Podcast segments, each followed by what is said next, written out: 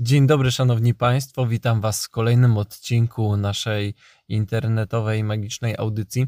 Dzisiaj na naszym celowniku, że tak powiem, znajdzie się temat ryzykowny.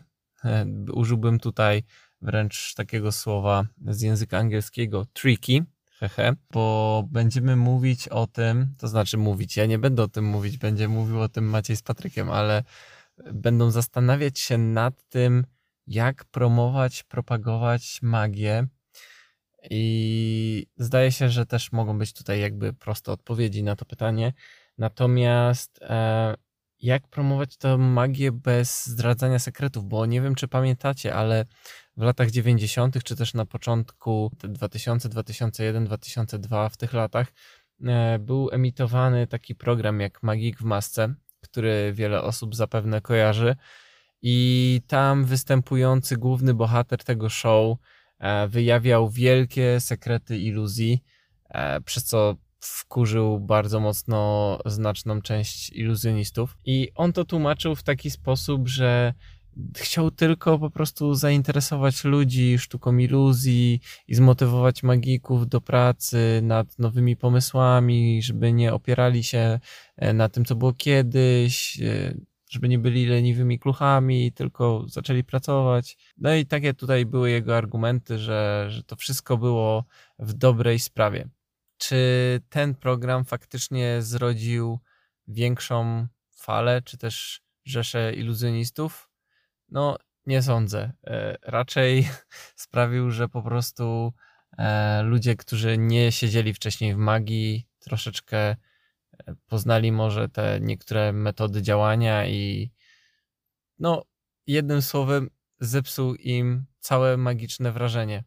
Tak jak już wielokrotnie wspominaliśmy, kiedy jest jakiś, jest jakieś rozwiązanie, jakiekolwiek rozwiązanie, wtedy nie dzieje się magia. Co jest po prostu przykre.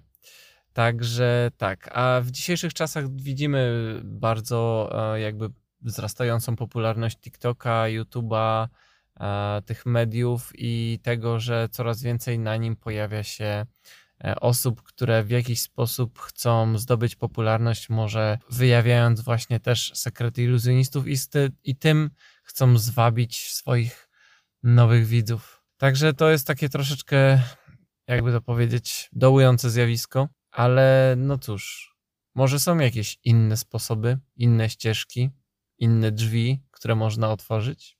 Nie wiem. Ale wy za chwilę się macie szansę dowiedzieć, jeśli wsłuchacie się w dyskusję Macieja i Patryka. Ja teraz już powoli znikam i zapraszam was do przesłuchania tej dyskusji. Nazywam się Jędrzej Wberski, a wysłuchacie internetowego, magicznego podcastu.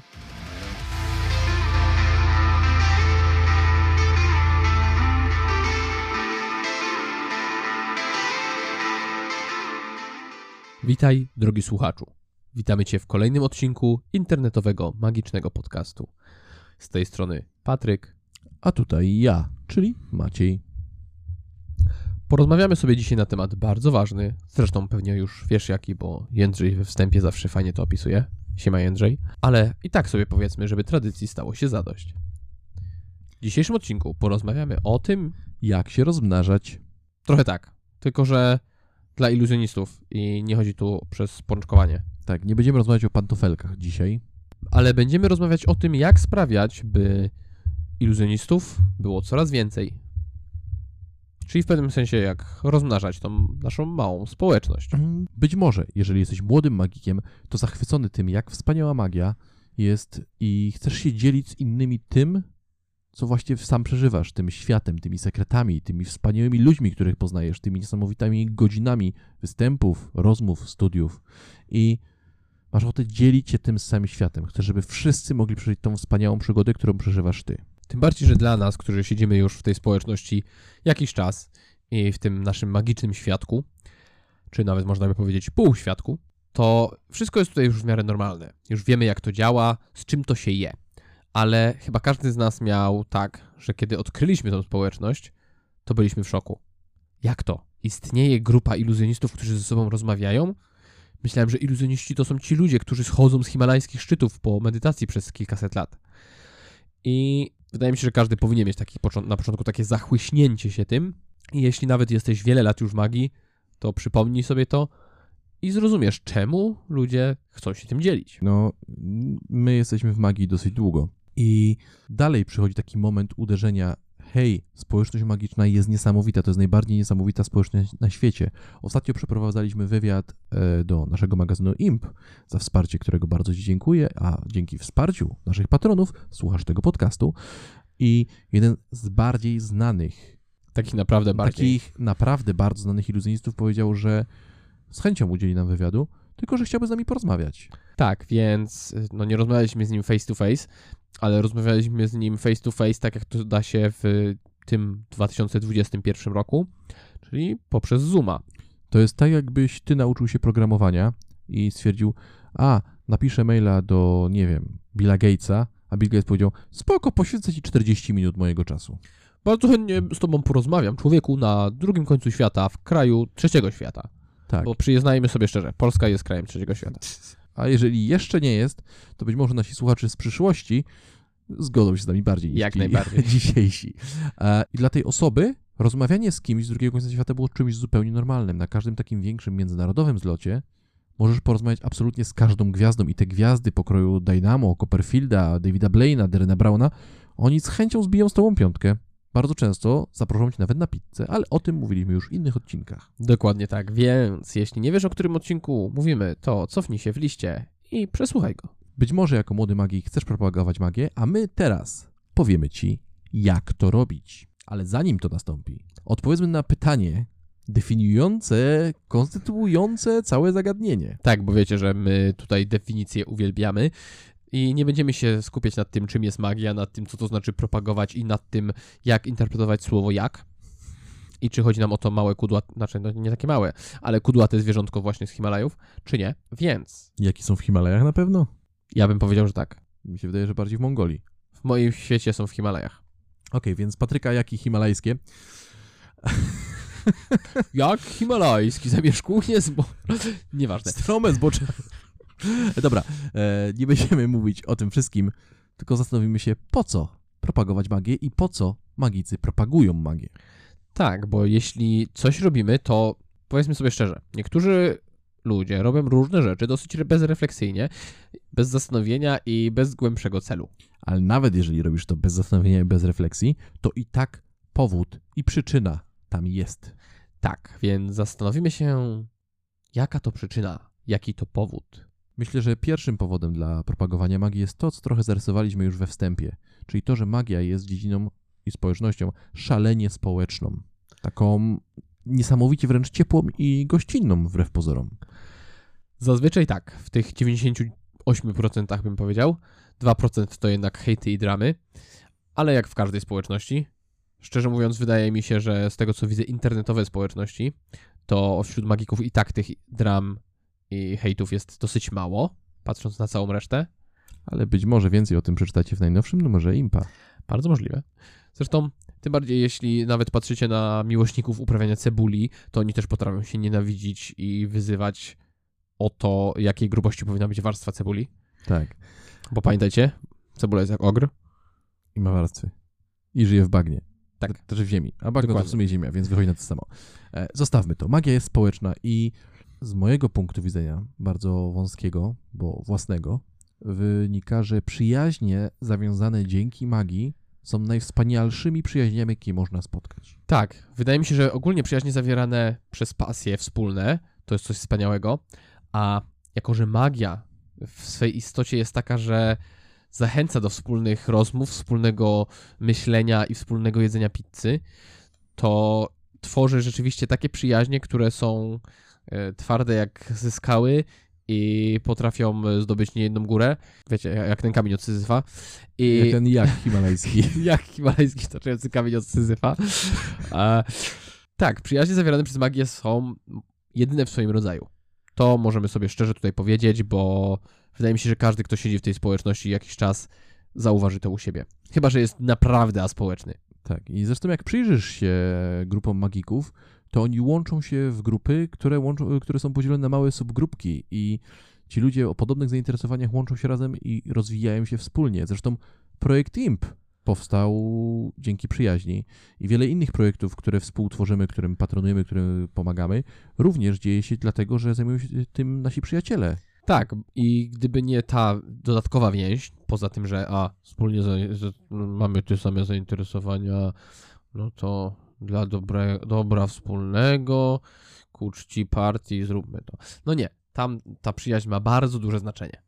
Tym chcesz się dzielić. To jest wspaniałe. Chcesz, żeby było więcej wspaniałych ludzi, żeby było więcej wspaniałych przyjaciół, więc ta, ten społeczny aspekt wręcz zachęca do propagowania magii, do dzielenia się tą pasją.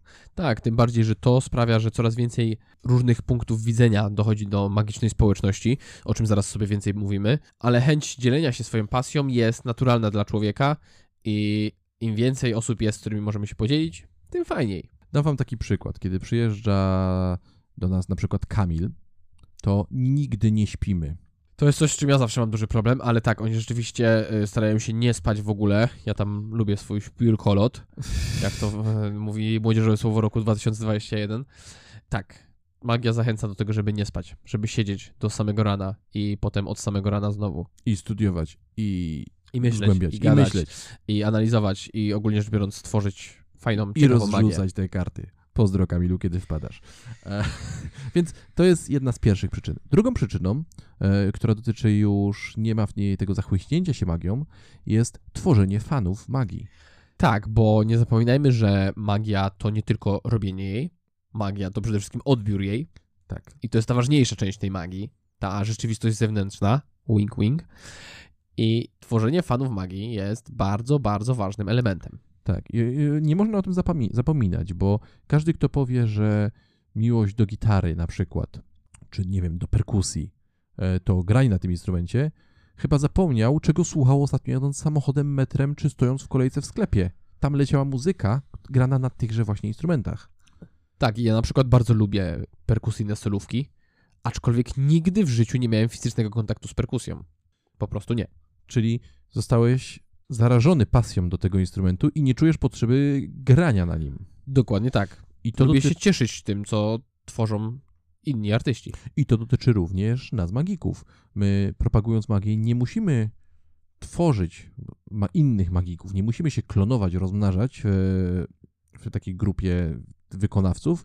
Wystarczy, że tworzymy nowych fanów, ludzi, którzy mówią, chciałbym zobaczyć iluzjonistę. Nie wyobrażam sobie własnych urodzin, na których nie wystąpi iluzjonista. Tak, plus to jest bardzo miłe uczucie, kiedy ktoś przejeżdża przez cały kraj i będąc na swoim pokazie mówi przejechałem przez całą Polskę tylko po to, żeby to zobaczyć. Tak, polecam serdecznie. To jest naprawdę fajne uczucie. Plus, tutaj moim zdaniem warto wspomnieć o jednej rzeczy, bo o tym, jak tworzyć fanów magii, też już nagraliśmy jeden odcinek, więc zachęcamy do jego odsłuchania. Aczkolwiek naturalną reakcją człowieka na to, że widzi coś niesamowitego, niemożliwego i coś, co nie powinno się było wydarzyć, jest pytanie, jak? I docie- himalajski. tak. I dociekanie sekretu za tym stojącego. I nie zapominajmy, że fani magii bardzo często oni wiedzą, że oni nie chcą znać sekretu. Oni zdają sobie sprawę, jak to się je, tą całą magię. I oni mogą zadać to pytanie. Ale jeśli ktoś im w tym momencie powie, od, da odpowiedź na to właśnie zadane w dobrej wierze pytanie, to zabije im odbiór tej magii, prawdopodobnie na zawsze. Więc będąc magikami, musimy brać to pod uwagę, że widz pytając nas jak, nie zawsze ma na myśli jaka. Himalajskiego. Tak. E, Ja często występując w restauracjach spotykam się właśnie z ludźmi, którzy, których udało mi się zmienić w fanów magii, którzy zostali zachęceni i są zajarani tą całą iluzją, ale nie pod kątem wykonywania, tylko pod kątem oglądania. I niedawno miałem taką sytuację, że po pokazie e, dla takiego stałego mojego bywalca, który przyprowadził tam jeszcze cze- tą część rodziny, która jeszcze nie widziała mojego pokazu, jakaś tam jego znajoma, kuzynka, no nieważne, jakaś pani powiedziała, ale jak ty to robisz? I on wręcz się na nią wydarł w sposób nieuprzejmy, mówiąc, nie zdaje się takich pytań, to jest tak, jakbym mu zapytał, jakie masz majtki. No tak, bo to jest właśnie to. Magia ma już swoją konwencję. Powoli ona zaczyna krzepnąć w naszym społeczeństwie i ci ludzie, którzy się nią cieszą, oni rozumieją, że znajomość sekretu jest absolutnie niepotrzebna do tego, żeby cieszyć się tym, co się dzieje. Tak, więc propagując magię, tak naprawdę tworząc fanów, tworzymy tą konwencję, tworzymy ludzi, którzy rozumieją, jak odbierać tą dziedzinę sztuki. I oczywiście mogłoby się wydawać, że odbieranie magii jest proste, dużo prostsze niż na przykład odbieranie, nie wiem, e, fechtunku, judo czy opery, ale tak naprawdę wcale tak nie jest. Ta prostota w odbiorze magii wynika z kunsztu wykonawców, którzy dokładają naprawdę ogromnych starań, żeby rzeczy trudne i skomplikowane pokazać metaforycznie, pięknie i łatwo. Kolejnym powodem, dla którego warto propagować magię, jest poprawienie jakości naszej dziedziny. Tak, bo wszyscy wiemy, że magia ciągle się rozwija. Wiadomo, magia ma też swoje granice, bo ona jednak bazuje na tym, jak my jako ludzie widzimy świat i nasze mózgi mają pewne ograniczenia, więc magia też gdzieś te granice ma, aczkolwiek nie dotarliśmy do nich i nie wydaje mi się, żebyśmy za naszego życia zobaczyli dotarcie do tych granic, bo skoro to się rozwija od kilku tysięcy lat i nadal nie dotarliśmy do tego właśnie ostatecznego punktu, to jeszcze trochę sobie poczekamy. Dopóki ludzie będą przetwarzać rzeczywistość, dopóty będą sposoby na zakłamanie tego, co widzą, co odbierają, i dzięki temu będzie można robić magię. Propagując magię, żeby poprawić jakość tego, co robimy, tworzymy tak naprawdę większą ilość magików, tworzymy większą ilość fanów i powstają tak zwane brain trusty, czy think tanki, formalne bądź nieformalne. Powstają ludzie, z którymi możemy porozmawiać, bo mam znajomych, którzy magikami nie są, ale lubią bawić się w gry w stylu co bym chciał zobaczyć, co by było niezwykłe, co by było niemożliwe. Tak naprawdę dzięki tym ich pytaniom, dzięki tym ich propozycjom możemy tutaj wymyślać wspaniałe efekty, na które sami byśmy nie wpadli. Tak, bo jednak siedząc w kilka osób, odbijając te pomysły, niekoniecznie typowo do magii, jesteśmy w stanie stworzyć coś niepowtarzalnego, co w innych warunkach no, nie miałoby szans zaistnieć. Więc tworzenie właśnie tych ludzi myślących o magii daje nam niesamowite możliwości. E, zresztą e, w samym rdzeniu magii jest zapisane to zdanie, że stoimy wszyscy na ramionach gigantów, bo naszymi kolegami po fachu są ludzie, którzy nie żyją od bardzo, bardzo dawna. Jeżeli wymyśliłeś jakiś ruch, jakieś ułożenie małego palca, jakiś koncept intelektualny, a ja z tego korzystam, to ja rozwijam to, co ty stworzyłeś lata temu i to dalej żyje, to jest większe niż ty, to jest trwalsze niż ze spiżu. I szczerze mówiąc, teraz jak my wszyscy tak troszeczkę sobie skrobiemy tą swoją rzepkę, pracujemy nad swoją własną magią, kto wie, do czego to kiedyś urośnie. Może koncept, na który wpadniesz za tydzień, rozwinie się i za 100 lat całkowicie zmieni oblicze magii. Jest duża szansa, że nie wyślisz nowej ekonomii, nie zmienisz świata, ale jest bardzo duża szansa, myślę, że równie wielka, jak to, że wymyślisz, jak trzymać palec przy ukrywaniu w dłoni monety, tak żeby wszyscy magicy jeszcze długo, długo po tobie nazwali te ułożenie palca twoim własnym nazwiskiem. To jest coś, co możesz zrobić i coś, do czego warto dążyć. Zdecydowanie. Korzystając z tego, że jest nas więcej, z tego, że mamy więcej mózgów, łatwiej odbijać pomysły. Możemy je szybciej przetestować i szybciej zweryfikować, czy to, na co wpadliśmy, jest dobre, czy jest złe. Poza tym, jako że jest nas więcej, to wszyscy widzimy to i powoli się poganiamy tak naprawdę, bo tworzymy konkurencję jeśli ktoś coś tam wie o ekonomii, to wie, że konkurencja napędza rozwój. Ale, ale, jak to? Nie lepiej być jedynym w swoim rodzaju niepowtarzalnym, wyjątkowym, samotnym wojownikiem, stojącym na barykadzie, samotnym wilkiem? No właśnie nie, bo nawet Herkules dupa, kiedy wrogów kupa. Wilki nie są samotnikami. Samotny wilk umiera. Dokładnie tak. Nie warto być y, samotnikiem, warto być jednak ze swoją watachą i wtedy po prostu jest lepiej. Plus, nawet jeśli to nie jest nasza watacha, jeśli ktoś yy, chucha nam w kark goniąc nas, to dzięki temu mamy motywację, żeby biec szybciej. Konkurencja jest wspaniałym zjawiskiem. W ekonomii jest taki koncept jak Blue Ocean, Red Ocean i działając na Blue Ocean oczywiście możemy sobie polować nie, nie walcząc z innymi drapieżnikami, wszystkie rybki są nasze tak naprawdę, ale z racji tego, że nie ma tam innych drapieżników, można wywnioskować, że jest też mało rybek bo tam, gdzie jest dużo drapieżników, to jak, w jaki sposób one żyją, w jaki sposób one mają na co polować. To samo dotyczy nas magików. Im więcej magików, tym lepiej będzie wiodło się nam wszystkim. Nie bez powodu salony weselne, salony z sukniami ślubnymi, które wydawać by się mogło powinny ze sobą konkurować, bardzo często lokują się jeden obok drugiego. Powstają wręcz ulice. Savile Row, gdzie szyją garnitury, jest pełne domów z klasyczną męską elegancją.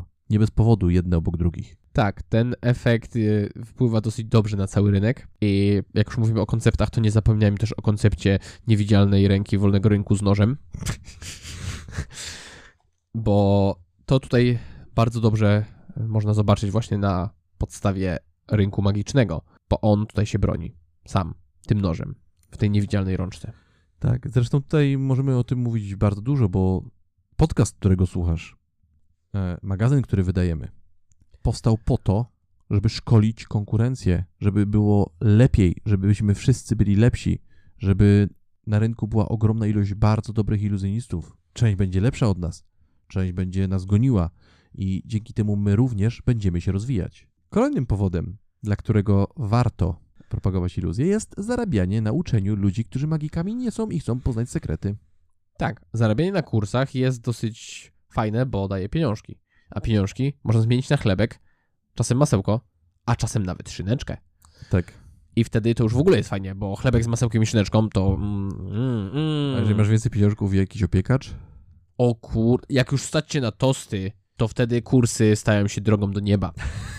Stairway to heaven. Dobra, my tu śmieszkujemy i temat tutaj jest bardzo poważny.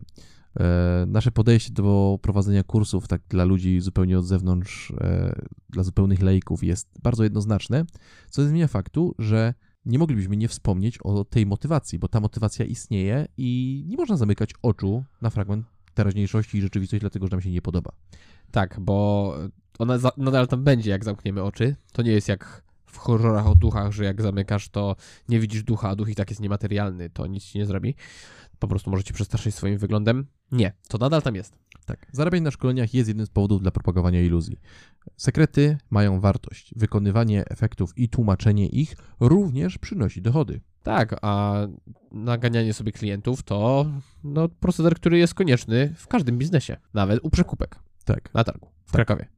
Tak. Taki, mm, mówię o XVI wieku, bo tak mi się z sukiennicami skojarzyło. Tak. To Tak. tam wtedy też tak było. Wiesz, z czym się rymuje słowo tak? Jak? Himalajski? Więc je- jest to również jedna z motywacji. Nie będziemy wchodzić w to, czy lepsza, czy gorsza. Po prostu jest, istnieje. Chyba mamy to z głowy. Chyba już wiemy, po co propagować magię. Tak. Ale, ale, ale, ale chwila. W jaki sposób propagować magię? W jaki sposób to robić, żeby to było skuteczne, dobre i mięciutkie, niczym misiu, taki pluszowy. Myślę, że najważniejszym, najpopularniejszym i najbardziej słusznym sposobem propagowania magii jest Dobra robota. dobra robota. Robiąc dobrą magię, będziesz robił dobrą robotę. I to jest bardzo ważne, bo nie wiem jak wy, ale istnieje kilka dziedzin w tym naszym ludzkim świecie, w tym naszym padole łez, którymi naprawdę się fascynuję. I na przykład bardzo lubię malarstwo. Bardzo lubię słuchać muzyki. I w ogóle są rzeczy, które mnie naprawdę interesują. I grać w Souls-like'i. I grać w souls -like. O tak, polecam każdemu. W każdym razie, za każdym razem, jak się czymś interesowałem, to podchodziłem do tego od punktu widzenia, że zobaczyłem coś, usłyszałem coś, co mnie naprawdę poruszyło. Zobaczyłem coś, co było wspaniałe i postanowiłem, ja chcę więcej tego uczucia. Chcę więcej tego uczucia, które mam, kiedy patrzę na taki obraz. Więc od razu sprawdzam sobie, kto go namalował, jaki to jest gatunek, e, czy byli podobni twórcy, jaka była historia życia, co go do tego doprowadziło. I nagle staje się fanem. Abracadabra. Dokładnie, magia. I to wszystko bierze się z tego, że ktoś kiedyś wykonał w tej własnej swojej dziedzinie dobrą robotę. I ja, jako odbiorca, zobaczyłem to i zachwyciłem się tą dobrą robotą, i teraz nagle ta dziedzina jest nieodłącznym elementem mojego życia. Co oznacza, że nie istnieją nieważne pokazy. Oj tak. Niezależnie czy występujesz na prestiżowym wydarzeniu w ambasadzie Mozambiku, gdzie są słynni milionerzy i politycy z całego świata, czy występujesz w barze wśród mocno pijanych ludzi, a twoim wynagrodzeniem będzie napiwek, który wręczą ci po pokazie, każdy pokaz ma znaczenie. Twoim celem jest zachwycać ludzi. Co więcej, u nas jest trochę gorzej, bo jeżeli jesteś muzykiem, to ludzie spodziewają się, że będziesz grał muzykę. Jeżeli ich zachwycisz, to zachwyt będzie tym większy. U nas ludzie oczekują tego zachwytu. Ludzie oczekują tego, że zrobisz coś, co jest niemożliwe. Znikniesz moją żonę? Żartobliwe pytanie, ale ono ma w sobie taki cień prawdy, wiary w to, że ty możesz zniknąć żonę. Nie chodzi o zniknięcie naprawdę, nie chodzi o to, że zabijesz ją i zakopiesz, tak że policja jej nie znajdzie, choć czasem to również się zdarza. Tak, czasem ludzie rzeczywiście o to pytają. Tak. Bardziej chodzi o to, że ludzie myślą, kurczę, chciałbym zobaczyć, jak moja żona znika i pojawia się i chciałbym Zapytać ją później, gdzie była, kiedy jej nie było. I ten człowiek, który to pyta, on wie, że to jest niemożliwe. A jednocześnie oczekuje od ciebie, że pokażesz mu coś, co jest niemożliwe, więc pyta, bierze pierwszą niemożliwą rzecz, wygranie w lotto. Te pytania, które ludzie zadają, one mają, zresztą nagraliśmy o tym cały odcinek, one mają w sobie dużo prawdy. Więc każdy pokaz ma znaczenie. Robiąc dobrą robotę, propagujesz magię w najlepszy możliwy sposób. Tak, nawet pokazując y, młodszym kuzynom magię na imieninach u cioci, pamiętaj o tym, że to i tak powinno być dobre, bo to rzeczywiście propaguje magię. A z tego możemy się odbić bezpośrednio do kolejnego sposobu propagowania magii. Ten jest trudny. Jest zdecydowanie trudny, wymaga dużo zachodu i ktoś może nam powiedzieć, że jesteśmy trochę nienormalni, bo przecież magik to nie jest prawnik czy lekarz, który musi dbać o etykę zawodową i inne takie pierdoły. Ale magik musi dawać dobry przykład. Co? Musimy dawać dobry przykład całą swoją osobą, swoim zachowaniem. Musimy być kimś, kto jest osobą wartościową społecznie, że tak to ujmę, trochę tak antropologicznie może. Musimy być well-rounded gentlemen. Tak, bo jeśli magik, e, tutaj nie abstrahując od tego, że są postacie przez niektórych przybierane, że niby magik, magik żul, aczkolwiek e, jeśli magik rzeczywiście byłby żulem, nie mówię tutaj udawaną postacią, tylko naprawdę, byłby kimś, kto nie potrafiłby się zachować społecznie, e, ciągle by się upijał i tak by wszyscy magicy wyglądali, to ciężko zachwycić kogoś tym, ciężko kogoś przyciągnąć do magii, jeśli tak wygląda wykonawca. No, wystarczy spojrzeć na heroinistów. Heroiniści nie propagują heroiny w dobry sposób. Oj. I każde dziecko, któremu mama pokazała narkomana, obiecuje sobie w tym momencie, nigdy nie wezmę narkotyków. Potem oczywiście życie plecie się inaczej i większość z tych, którzy sięga po substancje odurzające, nie sięga jednak po heroinę. Ale wystarczy spojrzeć na heroinistę, żeby stwierdzić, okej, dobra, nie, nie to, to nie jest dobra droga, to nie jest droga dla mnie. Tak, bo to jest właśnie taki przykład złego przykładu. Tak. Jeżeli chciałbyś na przykład powiedzieć mamie, mamo, będę lekarzem, to lekarze zazwyczaj dają dobry przykład. Głównie zarobkami, tym, że potrafią się zaopiekować swoimi najbliższymi. To samo dotyczy wielu innych zawodów. To czy jeżeli powiesz mamie, mamo, będę magikiem, to to, czy mama powie, to jest najgorszy pomysł na świecie, czy powie, to jest super pomysł, już tutaj ci kupuję tutaj tą książkę, to zależy od tego, jak bardzo mama miała w kontakt z dobrymi magikami, bądź jak złymi. Tak, tym bardziej, że wśród niektórych zawodów, tak jak rzeczywiście lekarz czy prawnik, ta etyka zawodowa jest pilnowana. Tam są komisje dyscyplinarne, jeśli ktoś coś zrobi źle, tam trzeba się pilnować, w jakim towarzystwie, jak się zachowuje, mają dress code do pracy i ogólnie rzecz biorąc są poważani, bo od pokoleń te branże dają dobry przykład, to wśród magików nikt niczego od nikogo nie wymaga. Tak, to nie jest tak e, zabawna historia z mojego życia. Będąc w liceum na początku, bardzo zajarałem się zakonami rycerskimi współczesnymi. Uuu, I postanowiłem sobie, że zostanę kawalerem maltańskim. uuu. I mój przyjaciel powiedział do mnie, Maciej, jest jeden problem, bo ty spełnisz wszystkie wymogi. E, bo ja tam czytałem te kodeksy, te zasady, co trzeba zrobić, żeby zostać przyjęty tam na aspirującego. On mówi, Maciek, ale to jest zakon. Ty nie jesteś wierzący, ty nie jesteś katolikiem. Taka drobna przeszkoda. I, I ta drobna przeszkoda stanęła na mojej drodze do zostania rycerzem zakonnym. Aczkolwiek wydaje mi się, że to i tak nie byłoby tak, jak sobie to wyobrażałeś, jako młody byłoby. Maciej, niestety. Ale tak, to raczej może przeszkodzić w zostaniu rycerzem zakonnym. Znaczy, to było, to było liceum i to były czasy, kiedy Allegro nie było, albo był bardzo młody, a oni mieli fajne sygnety. Chciałem mieć sygnet. Jak widzicie, pasja może zacząć się od wszystkiego. Tak, ale kawalerowie metańscy dawali dobry przykład. Oni Wyglądali tak. dobrze. I to dawali ten dobry przykład od, no, przez całą historię. Tak, tak, o- tak odpierali tych Turków tam na Malcie, że łohoho, Dokładnie. aż się kurzyło z tych tureckich zatków. Od razu zachciałeś być kawalerem maltańskim. Tylko przeczytałeś o tym na stronicach podręcznika historii. Dokładnie tak było. Więc dobry przykład rzeczywiście jest w stanie stworzyć e, kogoś, kto się zafascynuje daną dziedziną. I jako magicy powinniśmy dawać taki dobry przykład.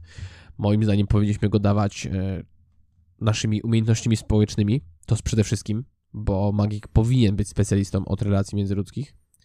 Powinniśmy dawać go swoim wyglądem, sposobem bycia, sposobem wysławiania się, Po prostu dobrym życiem. tak, tym, co y, ogólnie społeczeństwo patrząc na takiego człowieka powiedziałoby, o, to jest przykład. matka idąc z małym dzieckiem w wózku, mijając takiego magika na ulicy, powinna spojrzeć na niego i powiedzieć do siebie chciałabym, żeby mój syn wyrósł na takiego człowieka. Tak. E, Dave Vernon, jeden z tych gigantów na barkach, którego stoimy wszyscy, e, powiedział, że magik powinien umieć jeść nożem i widelcem. I w tym lakonicznym zdaniu kryje się bardzo dużo, bo umiejętność eleganckiego jedzenia nożem i widelcem jest czymś, co trzeba nabyć. Tak, i niestety też powoli w społeczeństwie zamiera, bo coraz mniej ktokolwiek przywiązuje uwagę do konwenansów, ale tak, warto. Warto umieć zachować się w każdej grupie społecznej, w każdej warstwie społecznej i ogólnie wśród każdego rodzaju człowieka, jaki może nas spotkać na naszej drodze. Więc jeszcze raz, jak propagować magię? Żyj dobrze, żyj pięknie, żyj tak, żeby ludzie patrzyli na ciebie i mówili, chciałbym żyć tak jak on. To człowiek, któremu mogę zaufać. Oto moje pieniądze. Proszę, proszę, weź je. No już, już. Ale pokaż tutaj coś. Kolejnym sposobem na propagowanie magii jest to, o czym wspomnieliśmy na końcu w poprzednim rozdziale, czyli uczenie magii. Tylko tutaj mamy do tego trochę inne podejście.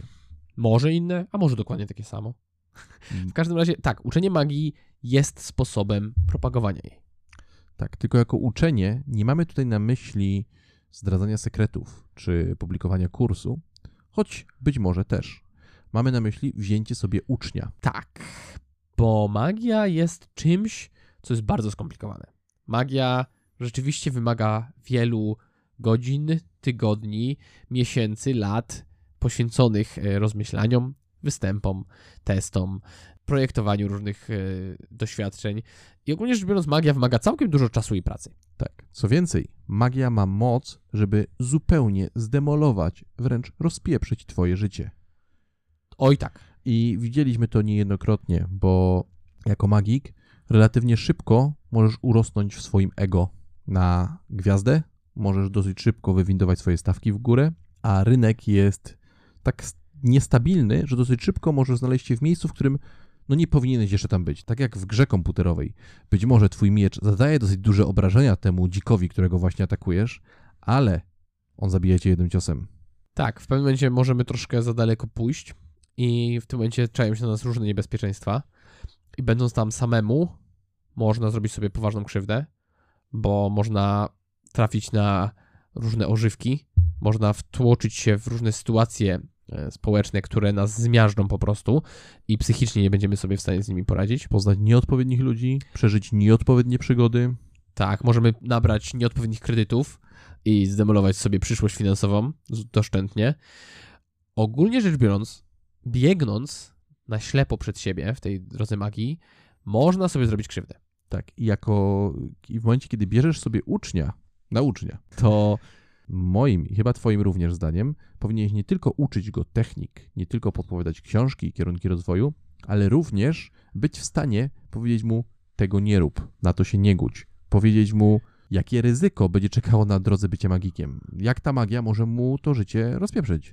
Tak, zdecydowanie, bo ta droga, jak każda, jest pełna pułapek. Niebezpiecznie jest iść samemu, weź to, e, znaczy się weź e, mentora i dopiero wtedy idź. I ogólnie rzecz biorąc, to jest jeden z elementów, na który trzeba zwrócić uwagę przy tym, bo jeszcze nie wiem do końca, jak to teraz ująć, ale okej, mam.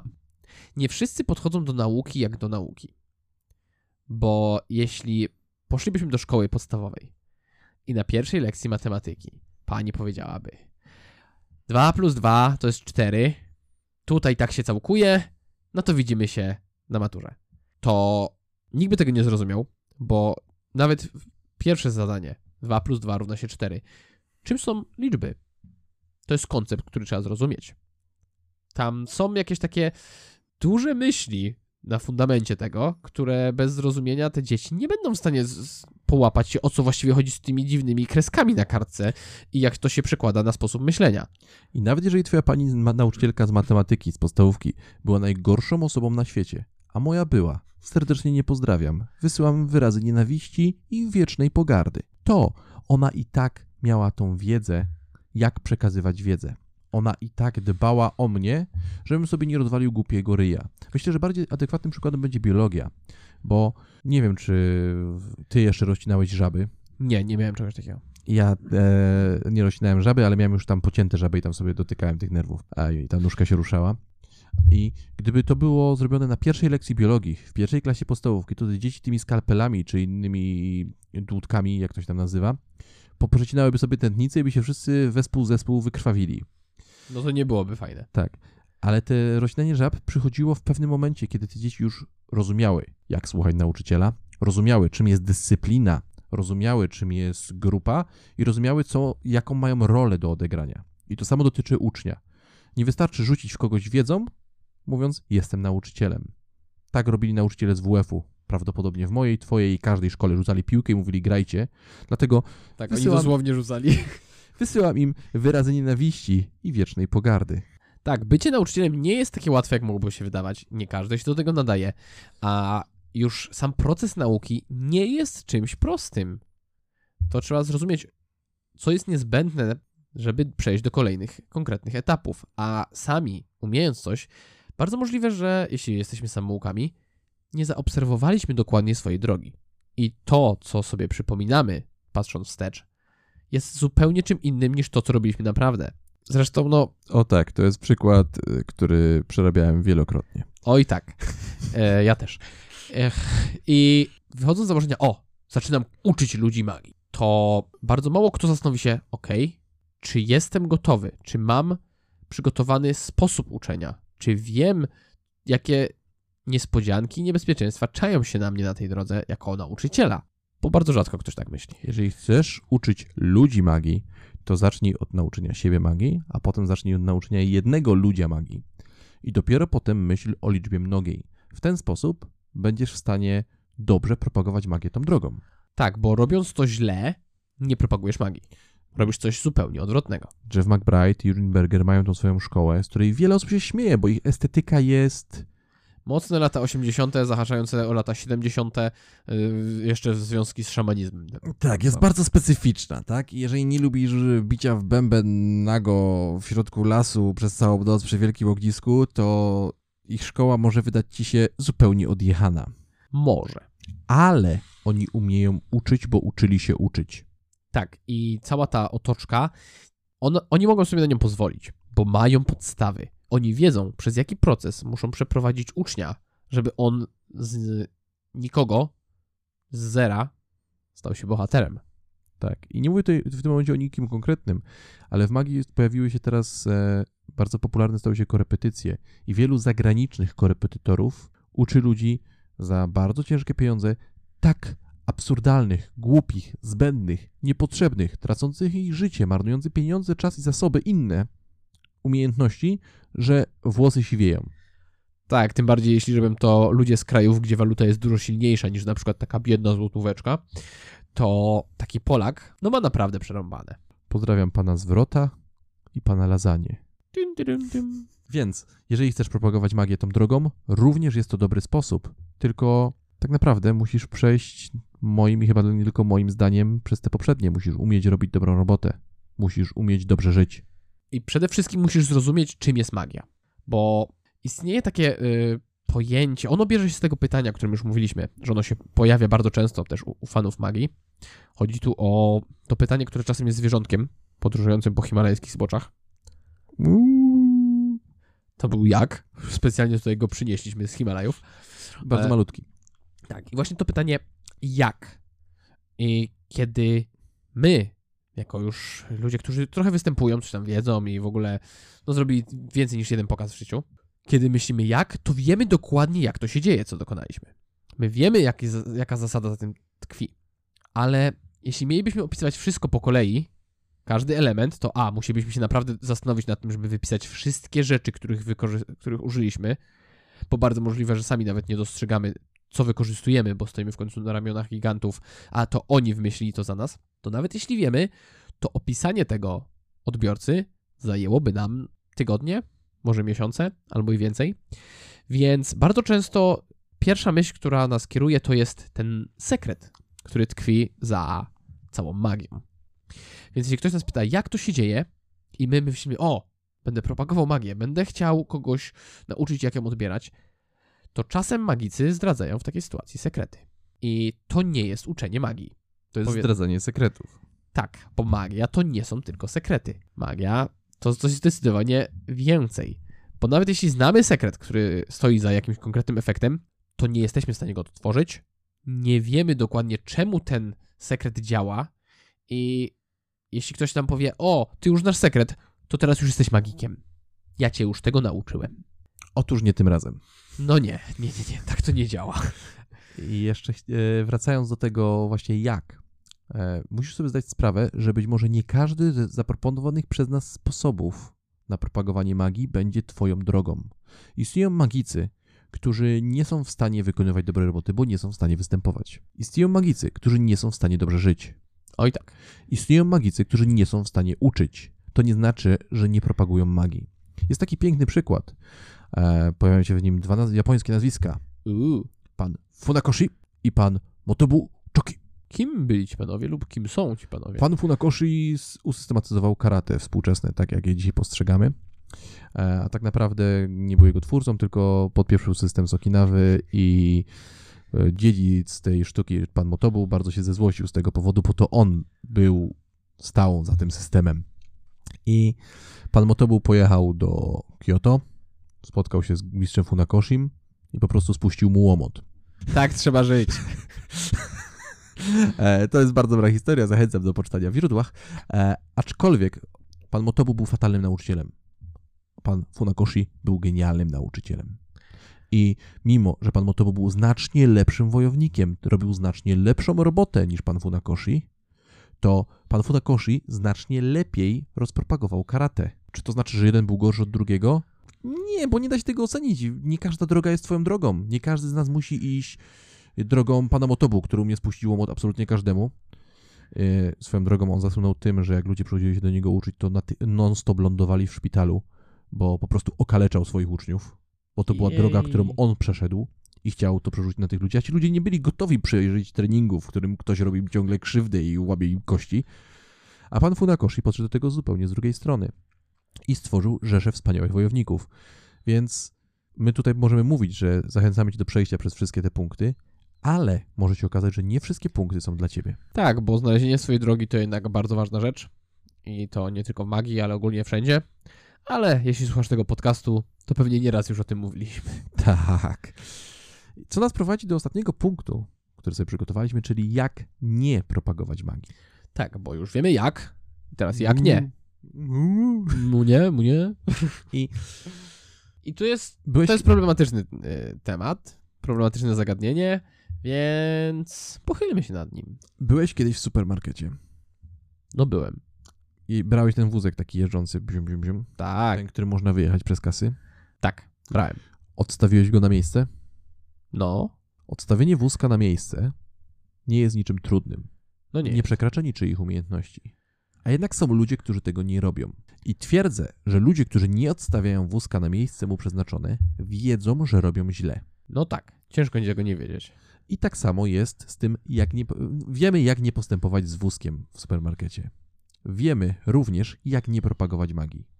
Mimo, że to robimy, jestem absolutnie przekonany, że każdy z nas w głębi serca wie, czego nie powinien robić.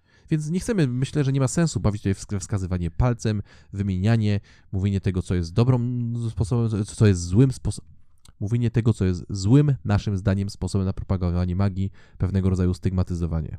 Nie, myślę, że ludzie, o których moglibyśmy teraz powiedzieć, doskonale w głębi serca wiedzą, co robią i wiedzą, że cholera jasna mogli odwieźć ten wózek na miejsce. Tak, a moim zdaniem zawsze warto odwozić wózek na miejsce. Więc Bo potem ktoś musi wziąć ten wózek dotachać tam tak czy owak.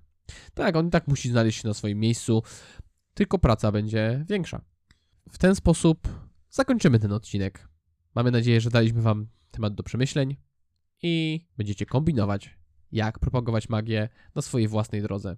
Pamiętajcie, jaki żyją w Himalajach i zawsze, ale to zawsze, odwoźcie wózek na miejsce. Trzymajcie się. Cześć!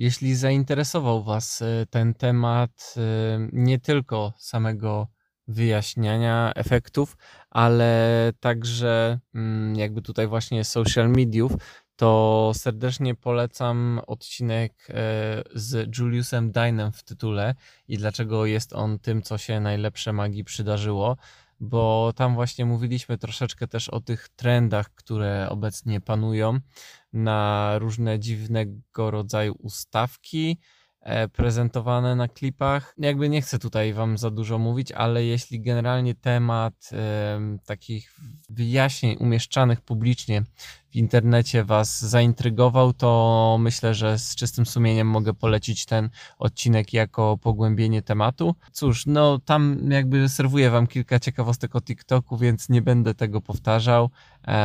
Mam nadzieję, że tutaj dyskusja e, Macieja i Patryka troszeczkę rzuciła Wam światło na to, że są też inne ścieżki i inne możliwości, które jakby no są delikatnie mówiąc mniej szkodliwe dla, dla całej sztuki magicznej, dla magicznej społeczności i no można to robić w lepszy sposób.